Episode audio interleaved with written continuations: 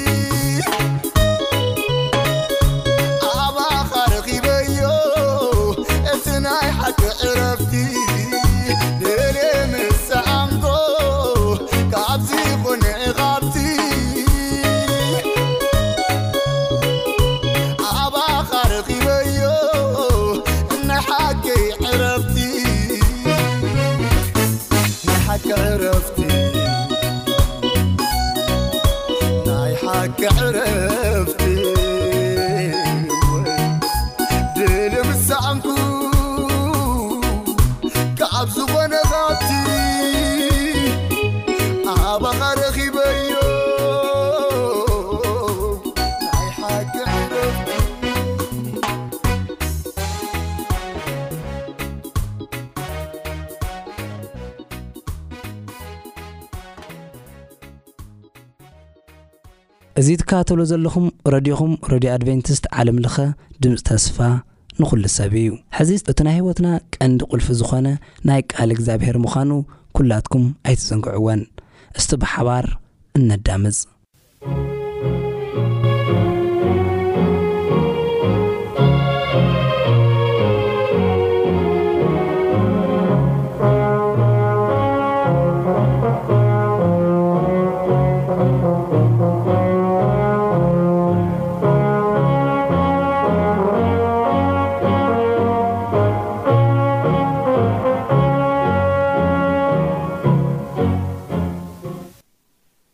ሰላም ሰላም ከመይ ትጽንሑ ክብራት ሰማዕትና ናይ ሎማዓንቲ ናይ ቃል ግዜና ድማ ንሪኦ ኣብ ሉቃስ ምዕራፍ ሓደ ብዛዕባ ብስራት ውልደት ጎይታና መድሓናን የሱስ ክርስቶስ ኢና ክንርኢ ማለት እዩ ክሳብ ፍጻሜ መደብና ምሳና ክጸንሑ ብክብሪ ድም ቅድሚ ምጅማርና ግን ሕትር ዝበለ ጸሎት ንጸሊ ጎይታ ነመስግነካ ሕጂ ድማ ቃልካ ከፊትና ኣብ ንዝነዓሉ እዋን ንስኻ ምሳና ክትከውን ከተምህረናን ክትመርሓና ንልምን።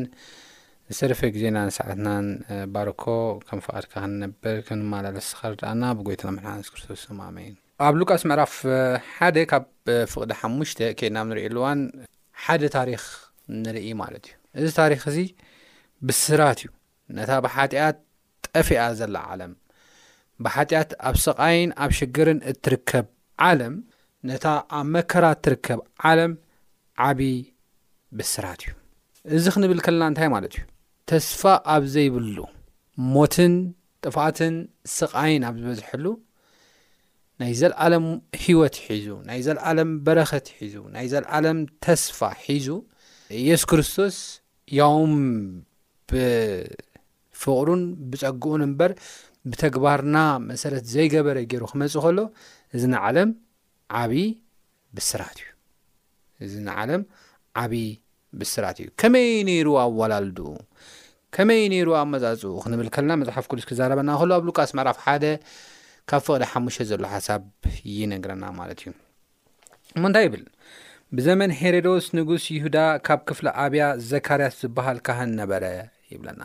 ቅድም ኢልና ኣብ ዝሓለፈ ከም ዝረኣናዮ መብዛሕትኡ ሰብ ይሁዳ ናይ የሱስ ክርስቶስ ምጽኣት ኣይተዳለወን ነይሩ።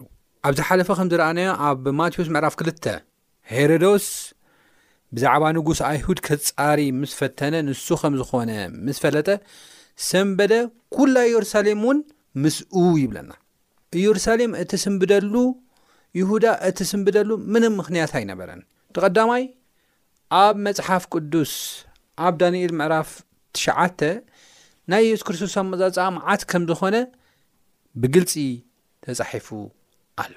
ከመይን መዓስን ከም ዝኾነ ብደንቢ ብግልጺ ተጻሒፉ ኣሎ። ንሱ ጥራሕ ዘይኮነ እቲ በብዕለቱ ዘቕርብዎ መስዋእቲ ንዕኡ ከም ዝመጽእ ተስፋ እናገበሩ በብመዓልቲ ይነብርሉ ዝነበሩ ካብ ከናፍሮም ዘይፍለ ነገር እዩ ነይሩ። ነገር ግን እቲ ናይ እግዚኣብሔር ዕላማ ዕለት ብዕለት ክዝክርዎ ዲዛይን ዝገበሮ ዝፈጠሮ ዝሰርሖ እግዚኣብሔር ግን ናብ ካልእ ናብ ናይ ጥቕሞም ቀይሮም ካብቲ ሓቂ ርሒቖም ንናይ የሱስ ክርስቶስ ምጽኣት ድልዋት ከይኮኑ ከም ዝጸንሑ ኢና ንርኢ። ስለዚ የሱስ ክርስቶስ ክውለድ ከሎ ከምቶም ካልኦት ዓለማት ዝሰንበዱ ንሶም እውን ከም ዝሰንበዱ ኢና ንርኢ። መሲህ ተወሊዱ፣ መድሓኒ ተወሊዱ፣ እቲ ኣቦታትና ክውለድ እዩ ዝብሎ ዝነበሩ ተወሊዱ፣ እሞ ከ ኣብ ዘበንና ኢሎም ኣዝዮም ከም ዝሰንበዱ ኢና ንርኢ። ኩሎም ግን ኣይኮኑን ኣብ ማእኸሎም እግዚኣብሄር እንታይ ዶ ነይሮሞ እዮም ተረፍ ነይሮሞ እዮም ንዕኡ ብምእማን ፀኒዖም ዝመላለሱ ዝነበሩ ተስፋ ገይሮም ዝመላለሱ ዝነበሩ ፅኑዓት ሰባት ግን ነይሮም እዮም ዓለም ኩላ ብናይ ሓጢኣት ፅልመት እኳ ተዋሒጣ እንተነበረት ናይ እግዚኣብሄር ተረፍ ናይ እግዚኣብሄር ሬመናንትስ ግን ኣብ ማእኸልቲ ህዝቢ ነይሮም እዮም እቲ ሓቂ እውን ብኣነባብርኦም ብህይወቶምን ይሰብክዎ ነይሮም እዮም ካብዞም ተረፍ ናይ እግዚኣብሄር ወይ ድማ ካብዞም ሬመናንት ናይ እግዚኣብሄር ሓደ ዘካርያስ እዩ ምስ ሰበይቱ ካልኣይ ማርያምን ዮሴፍን እዮም ሳልሳይ ስምዖን እዩ ራብዐይቲ ሃና እያ። እዚ ኣብ ውልደት ክርስቶስ ዝነበሩ ሰባት እዮም። እዚኦምን ከምኦም ዝኣመሰሉ ተረፍን ነይሮም እዮም። እቲ ሓቂ እናመርመሩ ተስፋ እግዚኣብሄር ዝጽበዩ ዝነበሩ ሰባት ነይሮም እዮም። ክብሪ ንኣምላኽ ይኹን። ኢየሱስ ክመጽእ እዩ።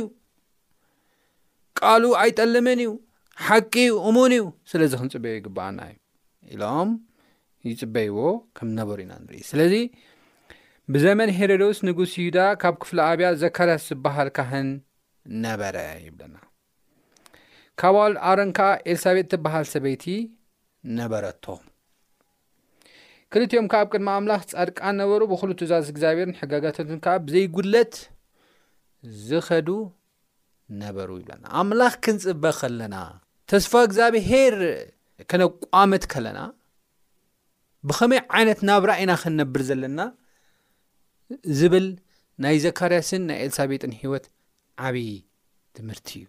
የሱስ ዳግም ክመጽእ እዩ፣ ነገር ግን ክሳብ ዝመጽእ እቲ ትስፍኡ እንጽበዮ ከም ፍቓዱ ብትእዛዛቱን ብሕጋጋቱን ብምምልላስ ብምንባር እዩ ክኸውን ዘሎ። እዚ ናይ ኤልሳቤጥን ናይ ዘካርያስን ህይወት ዘምህረና ትምህርቲ እዩ። ኣብቲ ግዜ እቲ ካህናት፣ ኣብቲ ግዜ እቲ ሌዋውያን፣ ኣብቲ ግዜ እቲ ፈሪሳውያን፣ ካብ ሕጊ ኣምላኽ፣ ካብ ትእዛዝ ኣምላኽ ወጺኦም ብናይ ገዛእ ርእሶም መንገዲ ብምኻድ ዓመጽን ግፍዕን ተንኮልን እዩ መሊእዎም ዝነበረ። ብዙሕ ነገራት ብዛዕብኦም ኢየሱስ ክርስቶስ ኢሉ እዩ ብዋናነት ብዛዕባኦም ብፍላይ ብፈሪሳውያንን ሳዶቃውያንን ኣብ ማቴዎስ ምዕራፍ 23 እኳ ተጠቕጠቕሰ ኣብ ሉቃስ ምዕራፍ 1 ውን ብዛዕባ ካህናት ዝነበሮም ኣረኣያ ተዛሪቡ እዩ ኣብ ሉቃስ ምዕራፍ 1 ንሪኦ ብፍላይ ምስ ካህናት ተታሒዙ ዝነግሮ ነገር ተሃለወ እንታይ እዩ ሓደ ሰብ ናኸደ ብመኸተርቲ ተወቒዑ ተዘሪፉ ኣብ መንገዲ ወዲቑ ነበረ ይብለና። ኮነ ኸኣ ሓደ ኻህን በታ መንገዲ ክወርድ ከሎ ርእይዎ ሓለፈ ይብለና። ኮነ ኸኣ ሓደ ኻህን በታ መንገዲ ክሓልፍ ከሎ ርእይዎ እንታይ ገበረ? ሓለፈ። ኣይረድኦን። ርእይዎ ሓለፈ። ሓደ ሳምራዊ ሓላፍ መንገዲ ግና ናብኡ መጸ፣ ምስ ረኣዮ ደንገጸሉ፣ ናብኡ ቀሪቡ ኣቝሳሉ ሰፈፈሉ፣ ዘይትን ወይንን ከኣ ኣፍሰሰሉ፣ ኣብ ኣድጓ ወጢሑ ናብ ማሕደር ኣጋይሽ ወሲዱ ኣለዮ። ንጽባሒቱ ድማ ክልተ ዲናር ኣውጺኡ ነቲ ሓላዊ ማሕደር ኣጋይሽ ሃቦ እሞ፣ ተኸናኸኑ። ንኡ ኢልካ ዘጥፋእካዮ ዘበለ ምስ ተመለስኩ ክፈድየካ'የ በሎ። ነቲ ኣብ ኢድ ከተርቲ ዝወደቐስ ካብዞም ሰለስተ ብጻይ ዝዀኖ መን እዩ? ይብለና እቲ ፅቡቅ ዝገበረሉ ኢሉ ከዓ እቲ ፈላጢ ሕጊ ክምልሰሉ ከሎ ኢና ንርኢ ስለዚ ካህን ዝኣመሰለ ናቱ ሓላፍነት ንሰባት ምስባኽ ናቱ ሓላፍነት ሰባት ናብ እግዚኣብሔር ምቕራብ ኮይኑ ከሎ ንሰባት ንምድሓን ስለ ሰባት ምግዳስ ኮይኑ ከሎ ነገር ግን ኣብቲ ግዜ እቲ ዝነበሩ ካህናት ዘመላኽት እዩ። ኣብ ሉቃስ ምዕራፍ ዓሰርተ ቁጽሪ ዕስራን ሓሙሽተን ክሳብ ሰላሳን ሸውዓተን ተጠቒሱ ዘሎ ካህን ኣብቲ ግዜ እቲ ዝነበሩ ካህናት ዘመላኽት እዩ። ካህናት ጉዳዮም ረሲዖም፣ ስርሖም ረሲዖም፣ ሓሳባዊ ምድራ ሓሳባቶም ኩሉ ምድራዊ ኮይኑ ልክዕ ከም ዓለማውያን ይመላለሱ ከም ዝነበሩ ኢና ንርኢ። ኣብ ከምዚ ኩነታት ግን እግዚኣብሄር ትሩፋት ከም ዝነበርዎ ኢና ንርኢ። ንዕኡ ዝፈርሑ ከም በዓል ዘካርያስ ዝኣመሳሰሉ ሰባት ከም ዝነበርዎ ኢና ንርኢ። ተስፋ እግዚኣብሄር ዝጽበዩ ሕጉን ትእዛዙን ከኣ ብዘይ ጉድለት ዝፍጽሙ ሰባት ከም ዝነበርዎ እዩ መጽሓፍ ቅዱስ ዝዛረበና። ሎሚ እውን ኣብዚ ክፉእን ጠማማን ትውልዲ ናይ ክርስቶስ ዳግም ምጽኣት ክንጽበ ከለና ብዘይ እንከን ከም ፍቃዱ ክንማላለስ ከም ዘለና ኣዒንትና ኣብቲ ፈቃር ዝኾነ ጎይታ ኢየሱስ ክርስቶስ ክንገብር ከም ዘለና ምክንያቱ ኮም እዩ ዝብል እብራን ምዕራፍ 12 ነቲ ጀማር እምነትናን ደምዳሚኣን ዝኾነ ኢየሱስ እናረኣና ወይ ድማ እናተመልከትና ጉዕዞና ብትዕግስቲ ንጉየ እዩ ዝብል ጉያና ብትዕግስቲ ንጉየ ስለዚ ንዕኡ ክንምልከት እዩ ንዕኡ እናተመልከትና ካብዚ ክፉኡን ጠማማን ትውልዲ ርሒቕና ብቕድስና ብዘይጉድለት ክንነብር ከም ዝግባኣና ናይ ኤልሳቤጥን ናይ ዘካርያስን ሂወት ይዛረበና እዩ ማለት እዩ ሰይም ሰይም የሱስ ክርስቶስ ሕጂ እውን ርሑቕ ኣይኮነን ኣብ ቀረባ ግዜ ከምቲ ዝበሎ ኣብ ዮሃንስ ወንጌል ምዕራፍ 14 ከምቲ ዝበሎ ክምለስ ልብኹም ኣይሸበር፣ ብኣምላኽ እመኑ፣ ብኣይውን እመኑ። ስፍራ ከዳልወልኩም እኸይድ ኣለኹ፣ ተመሊሰ ናብ ስፍራ ምስ ኣዳለኹልኩም ተመሊሰ ናብዚ ክመጽእ እየ፣ ናብቲ ኣነ ዘለኹዎ ድማ ክወስደኩም እየ ከም ዝበሎ ንሱ ክምለስ እዩ።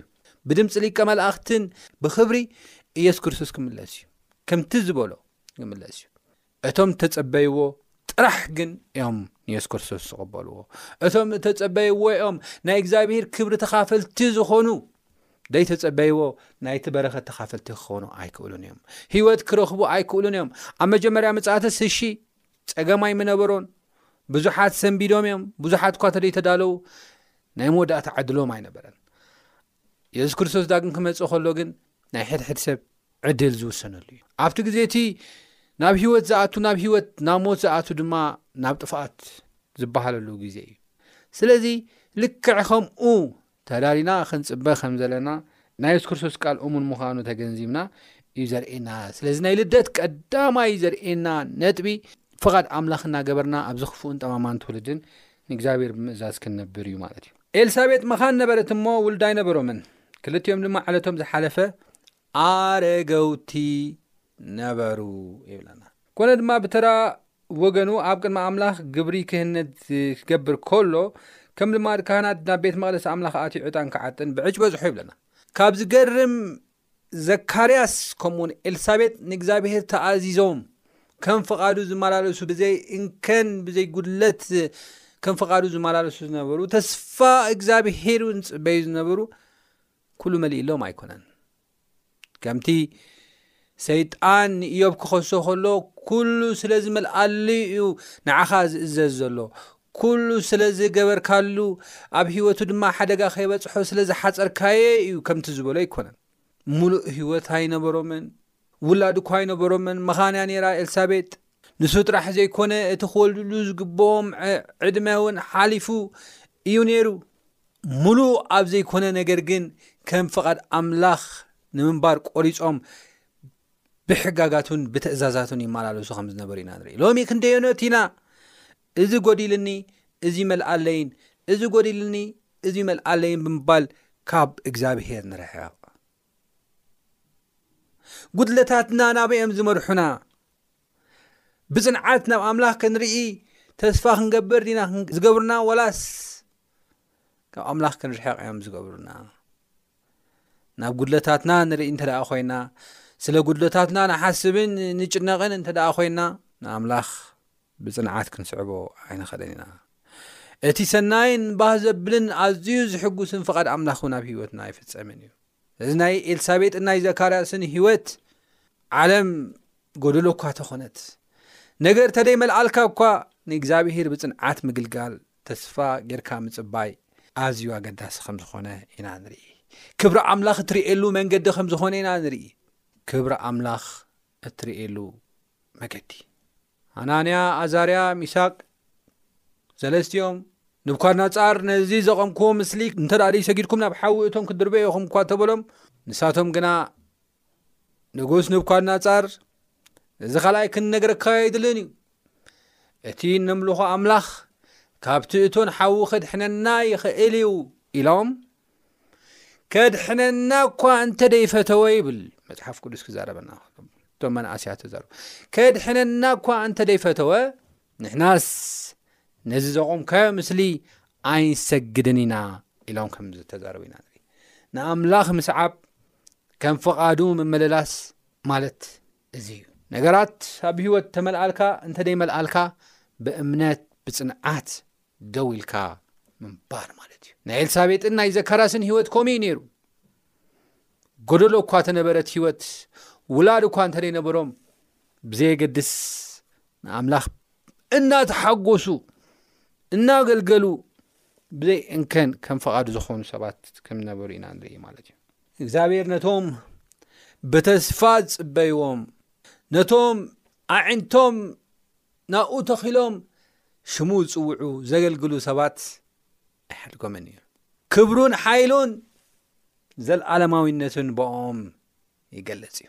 ዕድሚኦም ዝሓለፈ ኣረገውቲ መኻናት ዝነበሩ ሰባት እግዚኣብሄር በቲ ሓያል ጥበቡን በቲ ሓያል ቅልጽሙን ኣብ ግዜ እርግና ውላድ ከም ዝሃቦም ኢና ንርኢ ክብሪ ኣምላኽ ከም ዝረኣ ኢና ንርኢ ሽም ዘጽውዕ መንገዲ ዝጸርግ ዮሃንስ ዝበሃል ኣብ ይሁዳ ኹላ ዝተፈልጠ ሰብ ከም ዝሃቦም ኢና ንርኢ እግዚኣብሔር ንጽበዮ ነፍሲ ሃዲኣ ኣዒንታ ናብኡ እትርኢ ብዘይ እንከን ተኣዚዛ ብጽንዓት እትጽበዮ ነፍሲ ንሱ እግዚኣብሔር ሰናይ እዩ ኣብ ምዱብ ግዜኡ ሓይሉን ክብሩን ዝገልጽ ኣምላኽ እዩ ዮሃንስ ሂብዎም ክብሪ ንኣምላኽ ይኹን ዮሃንስ ተወሊዱ ከመይ ከም ነበረ ኣወላልድኡ እስከ ንረይ። ኮነ ድማ ኣብ ተራ ወገኑ ኣብ ቅድሚ ኣምላኽ ግብሪ ክህነት ክገብር ከሎ ከም ልማድ ካህናት ናብ ቤት መቕደስ ኣምላኽ ኣትዩ ዕጣን ክዓጥን ብዕጭ በዝሖ ይብለና። በቲ ግዜ እቲ ዕጣን ከኣ ኩሉ እቲ ብዙሕ ህዝቢ ብወፃኢ ኮይኑ ይጽሊ ነበረ። በቲ ወገን የማን መሰዊ ዕጣን ድማ መልኣኽ እግዚኣብሔር ደው ኢሉ ተራዮ። ዘካርያስ ከኣ ርእዎ። ሰምበደ፣ ፍርሃት እውን ወደቖ። እቲ መልኣኽ ድማ በሎ፣ ዘካርያስ ጸሎትካ ተሰሚዕልካ እሞ ኣይትፍራሕ። ሰበይትኻ ኤልሳቤጥ ወዲ ክትወልደልካ እያ፣ ስሙ እውን ዮሃንስ ክትሰምዮ ኢኻ። ንሱ ሓጎስን ተድላን ክኾነልካ እዩ፣ ብለዶቱ ኸዓ ብዙሓት ክሕጎሱ እዮም ከም ዝበሎ ኢና። ከይባተኹ ከየቋረጹ ዕድሜኦም እኳ እንተሓለፈ ተስፋ እኳ እንተ ተሳእነ፣ ተስፋ ኣብ ዘይብሉ ግዜ ስም እግዚኣብሄር እናጸውዑ ግን ይልምኑን ይጽልዩን ከም ዝነበሩ፣ የገልግሉን ከም ፍቓዱ ድማ ይመላለሱን ከም ዝነበሩ እዩ መጽሓፍ ቅዱስ ዝዛረበና ማለት እዩ። ኣብዚ ግዜ እዚ እግዚኣብሔር ኣብ ምድብ ግዜኡ ዘካርያስ ጸሎትካ ተሰሚዕልካ እዩ ዝብል መልእኽቲ ከም ዝመፁ ኢና ንርኢ ኣይትፍራሕ ሰበይትኻ ኤልሳቤጥ ወዲ ክትወልደልካ እያ፣ ስሙውን ዮሃንስ ክትሰምዮ ኢኻ። ንሱ ሓጎስን ተድላን ክኾነልካ፣ ብልደቱ ኸኣ ብዙሓት ክሕጎሱ እዮም። ኣብ ቅድሚ እግዚኣብሔር ዓቢ ክኸውን እዩ እሞ፣ ወይንን ዘስክር መስተን ከቶ ኣይክሰትን እዩ። ገና ኣብ ከርሲ ኣዲኡ ከሎ መንፈስ ቅዱስ ክመልኦ እዩ። ንብዙሓት ካብ ደቂ እስራኤል ናብ እግዚኣብሔር ኣምላኾም ክመልሶም እዩ። ንሱ ብቑዕ ህዝቢ ንእግዚኣብሔር ከዳሉ ልቢ ኣቦታት ናብ ውሉድ ንዘይእዙዛት ድማ ናብ ጥበብ ጻድቃን ክመልስ ብመንፈስ ኤልያስን ብሓይሉን ቀቅድሚኡ ወይ ድማ ቀቅድሚት ኢየሱስ ክርስቶስ ክኸይድ እዩ ኢሎ ከም ተዘርቦ ኢና ንርኢ ኣብ ግዜ እርጋን ተስፋ ኣብ ዘይብሉ እዋን እግዚኣብሄር ከመይ ዝኣመሰለ ብቕዱስ መንፈሱ ዝተመልአ ቀቅድሚ ጐይታ ኢየሱስ ክርስቶስ ዝኸይድ መንገድ ጸራጊ ብኤልሳቤጥን ብዘካርያስን ክውለድ ከም ዝፈቐደ ኢና ንርኢ።